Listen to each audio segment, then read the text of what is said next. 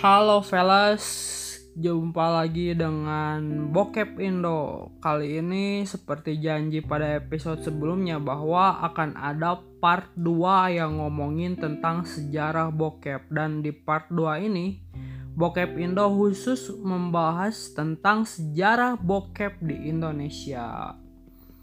Seperti janji aku kan sebelumnya bahwa akan banyak kesusahan dan juga tantangan dalam membahas bokep di Indonesia ini. Karena perlu diingat juga nih bahwa tim bokep Indo sendiri itu banyak banget ngalamin berbagai macam dan juga berbagai macam pergolakan dan kendala yang besar gitu terkait dengan pembahasan sejarah bokep di Indonesia ini. Kenapa?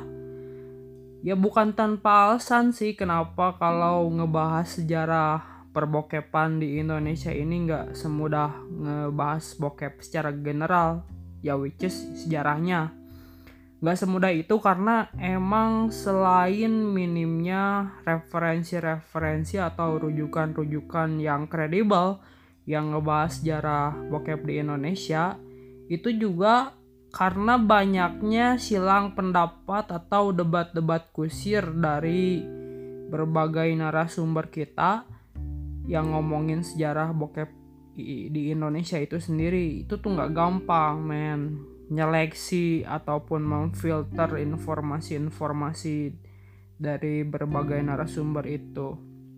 Tapi tenang aja, kita nggak stuck sampai di situ. Kita nggak nyerah begitu aja dengan keadaan ini. Kita berusaha mencari terus, tanya terus, cari terus, tanya terus ya tentang sejarah bokep di Indonesia ini kayak gimana. Kita usaha terus siang malam lah banting tulang apa pun itu anjing lebay banget. Dan juga berdasarkan pengalaman-pengalaman aku waktu kecil, waktu aku masih sekolah, waktu aku belum sekolah sekalipun itu kan ada pengalaman-pengalaman dan juga yang dicerita-ceritain sama abang-abangan ataupun kakak-kakak kita dulu gitu ya. Ya tahun 2000-an lah, anjing goblok gila banget nih masa kecil aku. Hmm, balik lagi kalau ngomongin bokep sejarah bokep di Indonesia ini oke? Okay? ya tanpa basa-basi atau without any sugar talk again pertanyaan besarnya sih pasti gimana sih sejarah bokep di Indonesia itu?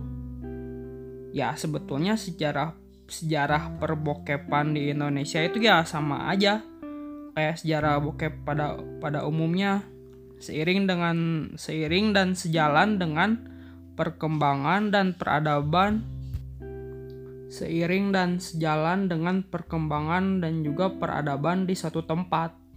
Udah, itu aja jawabannya. Anjing goblok simpel banget jawaban apa kayak gitu terlalu biasa. Bahkan nggak ngejawab sama sekali pertanyaan besar ya kan? Nggak nggak ngejawab sekali tuh pertanyaan gimana sih sejarah bokep di Indonesia itu? Jadi bro kalau kamu nanya gimana sejarah bokep di Indonesia itu jawabannya ya bakalan rumit sistematis masif. Anjing apaan sih? Pokoknya nggak segampang itu jawabannya dan for your information bahwa bokep di Indonesia itu sebetulnya itu udah ada di zaman dari zaman kerajaan-kerajaan di Nusantara loh. Kita lihat aja di prasasti-prasasti ataupun gaya hidup masyarakat Nusantara zaman dulu. Kalau misalkan kita lihat-lihat zaman sekarang anjing seksis banget ada yang pakai kemen doang ada yang ya ritual-ritual pemujaan ataupun tentang seksualnya kental, kental banget. Bahkan dulu Pulau Bali disebut sebagai Pulau Toket anjing. Nggak percaya kamu lihat aja di film Bali the Virgin keluaran tahun 1930-an kalau nggak salah bahasa Belanda tuh. Masih banyak banget lah tapi kalau misalkan kita ngebahasnya sampai ke zaman kerajaan-kerajaan gitu, kayaknya sih itu anjing bakalan terlalu luas banget ya. Luas-luas banget lah. So kita persempit aja pembahasan itu ya. Katakanlah setelah zaman kemerdekaan Republik Indonesia aja ya. Oke? Okay? tahun 45 jadi kalau ngomongin bokep di Indonesia nih fellas ya kalau kamu mau tahu sejak kapan sih ada produk bokep di Indonesia itu ya bokep kan produk. Kayaknya kayaknya sih dari tahun 50-an juga udah ada. Cuma sepintas selewat dan menurut aku itu tuh belum banget belum layak banget disebut sebagai bokep meskipun ada unsur bokepnya sedikit banget disclaimer ya aku ini lagi ngomongin produk-produk bokep ataupun karya-karya bokep tahun-tahun segituan. Oke, disclaimer tuh. Jadi pada tahun itu ada yang namanya kamu cobain deh nonton film judulnya Harimau Campak. Harimau Tejampak bacaannya kan ejaan lama. Nah, film-film tahun segituan tuh menurut beberapa sumber itu di film itu ada adegan bokepnya. Anjing aku tuh demi demi ngebuktiin ada adegan bokepnya aku tonton. Demi riset ini bukan apa-apa. Tapi apa yang aku dapat? Anjir nihil alias nggak ada sama sekali jadi di film-film tahun-tahun segitu tuh percakapan-percakapan gombal aja udah disebut mengarah ataupun ngejurus kepada bokep katanya.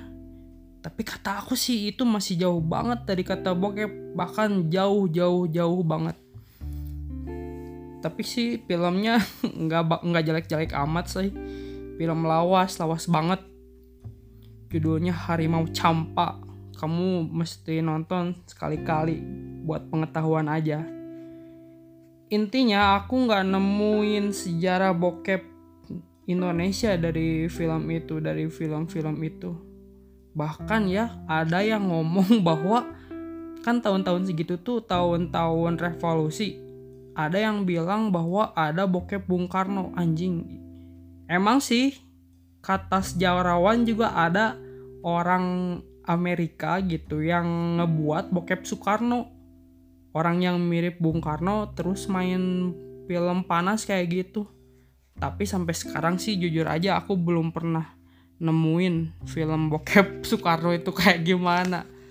Gila itu orang. Katanya sih dari CIA atau gimana aku nggak begitu paham. Tapi yang jelas ada loh isu-isu zaman zaman revolusi hmm, bukan revolusi mental ya ada yang nyamain nyamain bokep kayak gitu Hmm, masih balik lagi ya rasa rasanya aku rasa rasanya itu agak terlalu jauh juga kalau misalkan kita ngebahas sejarah bokep di Indonesia itu di tahun 50 atau 60-an.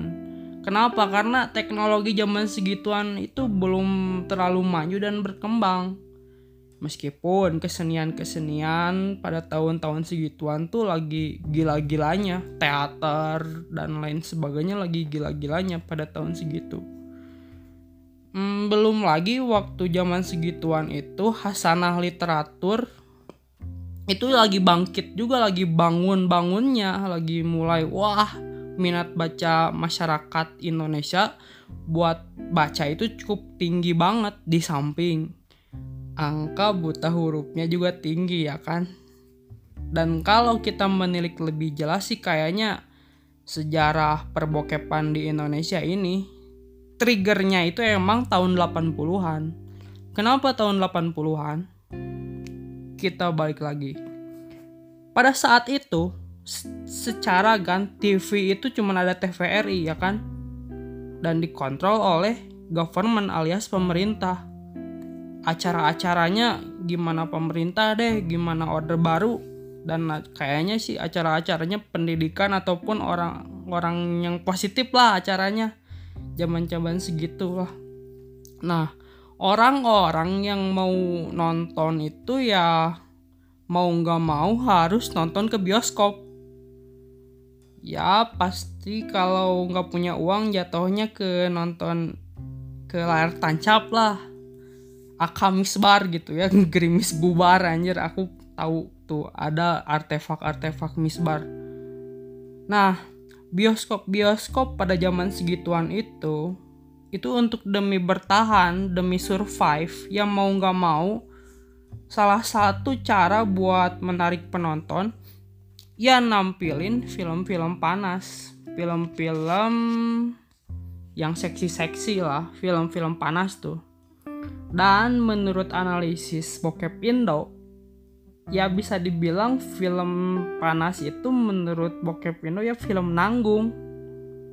Kenapa film nanggung? Film semi pun menurut bokep Indo itu nggak layak disematkan buat film-film panas di Indonesia pada zaman segituan.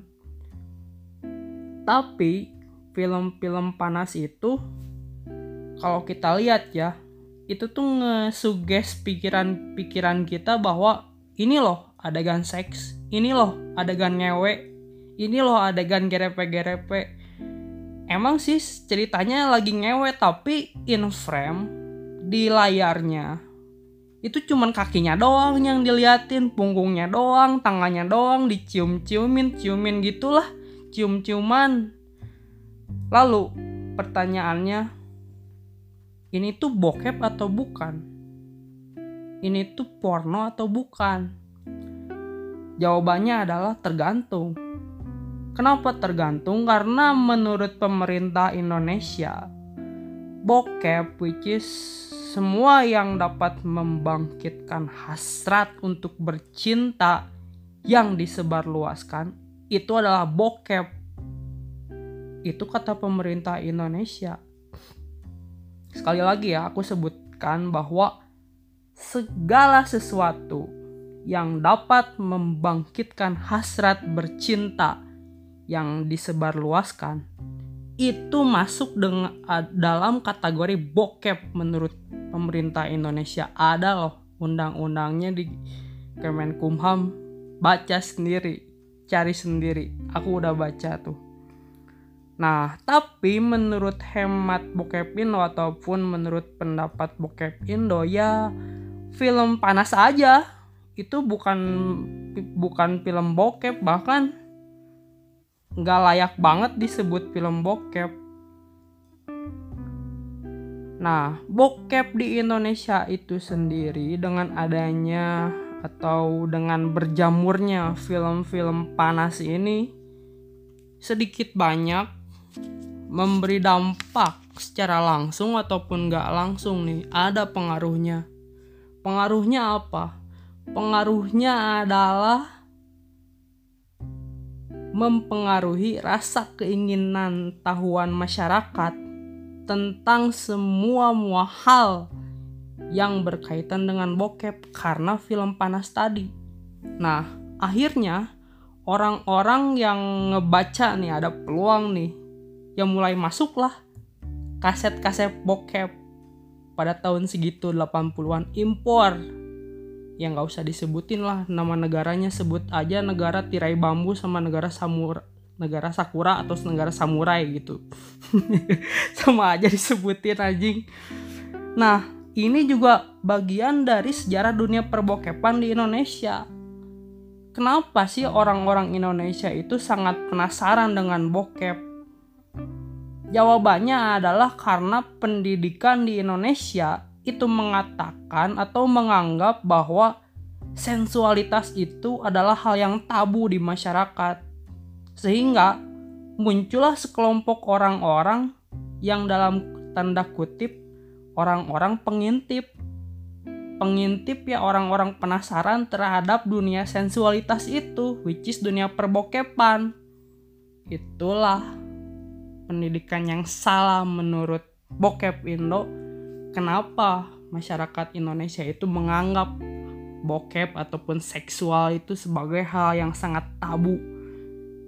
Jadi banyak tuh orang-orang dari zaman dulu sekalipun yang salah kaprah terhadap pendidikan seks dunia perbokepan salah satunya. Nah, rasa penasaran ini kan berkembang berkembang dan lagi-lagi menjadikan sekelompok orang bisa nih membaca peluang bisnis ini dari rasa kepenasaranan orang Indonesia. Emang hebat emang pengusaha-pengusaha ya kan? Katanya kayak gini kata pengusaha nih oke aku akan membuat film bokep cita rasa Nusantara itu kata pengusaha. Pada zaman segitu. Anjing gila aja lu bikin bokep cita rasa Nusantara rada mustahil. Karena masih aja penasaran pengen ngebuat film bokep cita rasa Nusantara ya akhirnya buatlah film-film panas film-film nanggung kayak gitu. Dan akhirnya juga masyarakat Indonesia makin penasaran tuh dengan film-film panas yang nanggung dan super nanggung kayak gitu. Gitu bro sejarahnya.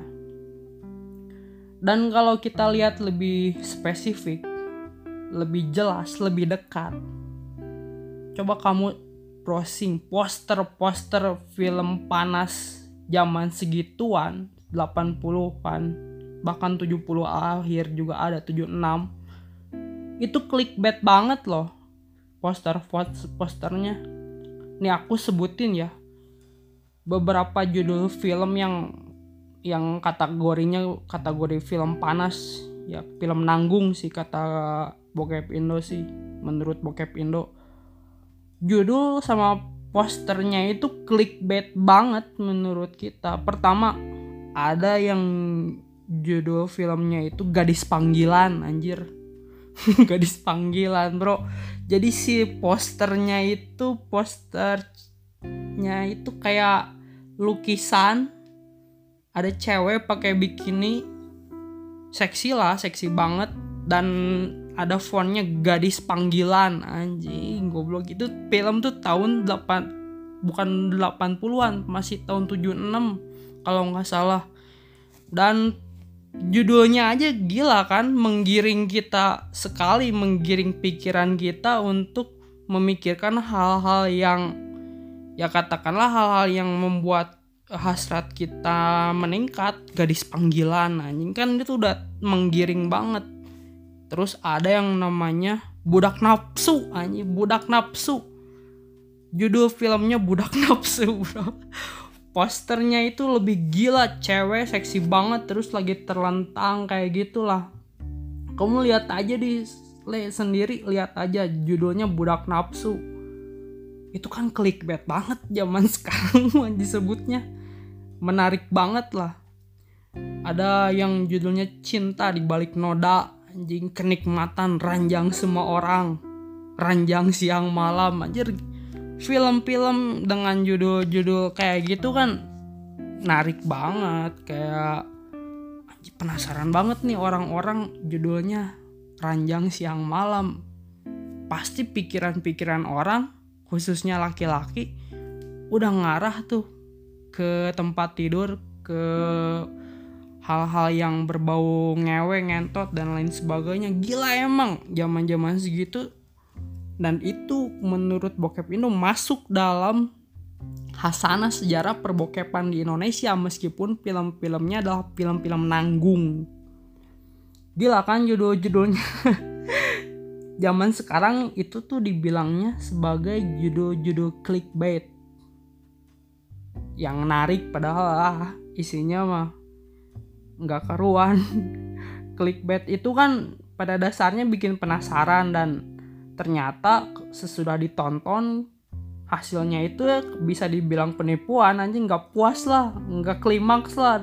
Dan akhirnya ada orang nih yang bilang pada zaman segitu anjing aing masih penasaran banget sama sensualitas itu kayak gimana. Nah dari sana mulailah pergi ke toko-toko kaset, ke tempat-tempat penyewaan kaset zaman segitu, bukan belum belum belum VCD nih masih VHS, Betamax dan lain sebagainya yang kayak gitu. Kodenya tahu nggak? Bang. Film Unyil, Bang. Atau Bang, film Donald Bebek dong anjing itu tuh kode-kode keras buat buat apa buat film-film bokep gitu. Film blue lah. Kalau kan kalau film blue udah dijelasin di part pertama ya nggak usah aku jelasin lagi.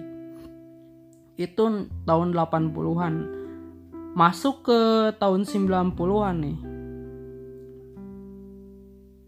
Zamannya 90-an itu film-film panas tuh makin makin menjamur. Aku nggak tahu kenapa karena emang orang-orang udah trennya lagi ke sana kali ya.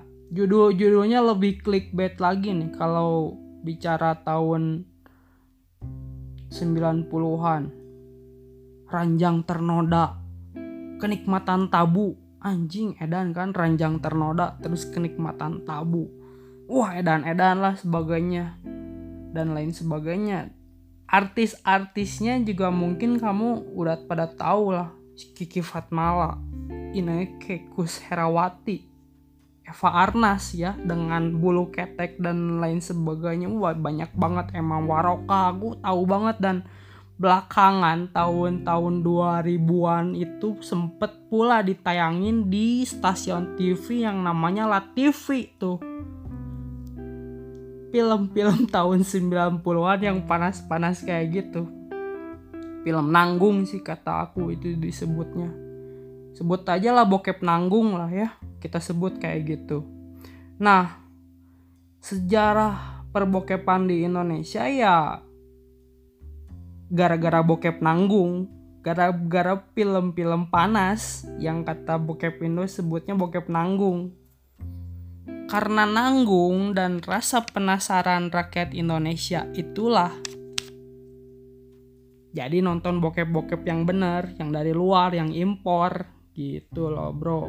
Tapi ada satu film yang dibintangi artis Indonesia yang menurut bokep Indo film ini ya boleh dibilang satu tingkat lebih hot dari film-film bokep nanggung ya which is film-film panas tahun-tahun segituan sebetulnya ini udah pernah dijelasin di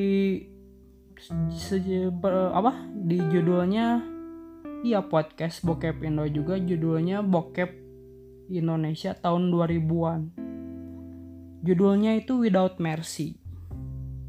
Tanpa ampun anjing. Tapi judul Indonesianya sih apa sih pembasmi teroris atau nggak tahu. Pokoknya ada artis Indonesia terkenal nih ya.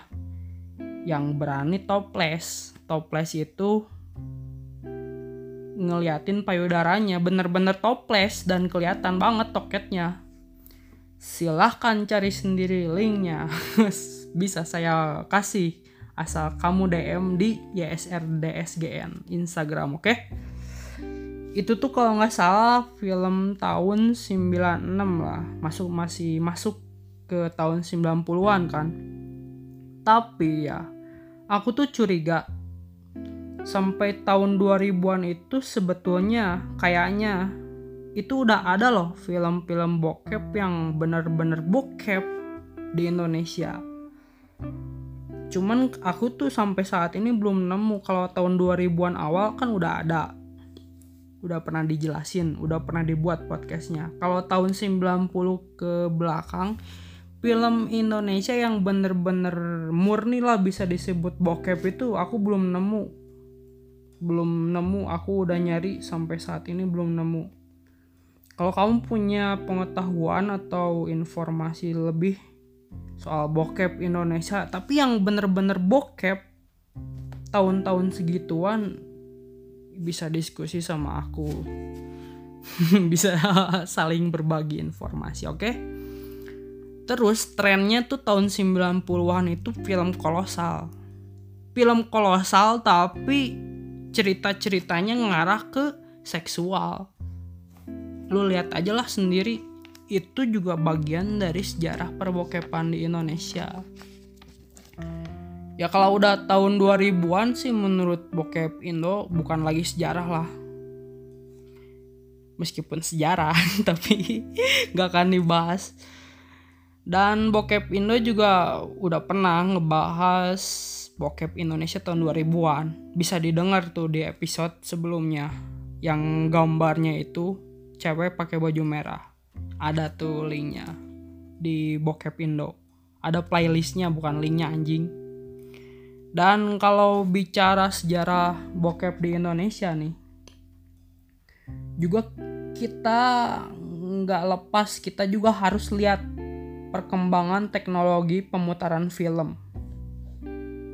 Konon TV di Indonesia itu baru ada sejak akhir 70-an. Ya maksudnya rada bermasyarakat lah dan rada merakyat TV-TV itu akhir 70-an katanya. Nah, termasuk juga alat pemutar video alat pemutar video kan kalau bokep bentuknya kaset harus ada playernya alat pemutar video-video di Indonesia ini juga baru ada sejak tahun-tahun segituan. Ya tahun 80-an lah. Kita, sebut aja tahun 80-an ya. Berbicara VCD VCD itu baru ada kalau nggak salah di akhir 90-an lah di Indonesia menjamurnya, merakyatnya. Dan bokep zaman dulu itu itu sifatnya komunal. Maksudnya komunal itu jadi nonton bokep itu buat generasi 80 90-an itu tuh bareng-bareng, Bro. Non bar, nonton bareng. Jadi ada orang nih datang ke rumah misalkan namanya uh, siapa ya nama Asep Sep nonton bokep yuk ayo di mana di rumah si Ajat misalkan. Emang di rumah si Ajat ada ada TV nggak si Ajat orang miskin. Ya udah pakai TV aku aja kata si Asep. Dibawa ke rumah si Ajat si TV-nya terus mikir lagi nih kan mau nonton bokep. Kasetnya kasetnya oh kasetnya nyewa aja di ke tempat rental di sewanya sama siapa gitu sama si X misalkan di rental kaset. Terus kalau udah ada TV sama kaset kaset bokep ya harus ada playernya Betamax yang kayak gitu. Betamaxnya udah punya aku aja yang aku nggak dipakai di rumah misalkan kayak gitu. Gitu bro. Jadi sifatnya itu komunal. Ada kerjasamanya ada gotong royong di situ kan komunal kan itu disebutnya nggak lebih dari ya lebih dari satu orang lah. Kalau sekarang bokep itu sifatnya personal. Asal ada HP ada aja cukup. HP smartphone atau HP apa pun yang bisa menampilkan video ya kan? Tapi ngomong-ngomongin soal bokep lagi nih. Sejarahnya penyewaan bokep di Indonesia, ya kaset maksudnya. Itu juga ada genre-genrenya di tempat penyewaan kaset. Apa aja sih? Anjing, pertanyaannya apa aja sih? Setahu aku ya, kebanyakan itu di tempat-tempat penyewaan kaset itu barat loh genrenya itu genre barat adapun Asia dari Jepang tapi masih bokep Jepang yang jadul ada si Asia tapi sedikit tapi yang menarik adalah Asia itu justru yang paling dicari loh muka-muka Chinese, muka-muka Oriental itu paling dicari kayaknya waktu dulu. Asli nih, ini kata salah satu narasumber aku yang pernah menjadi pelanggan setia dari penyewaan kaset bokep.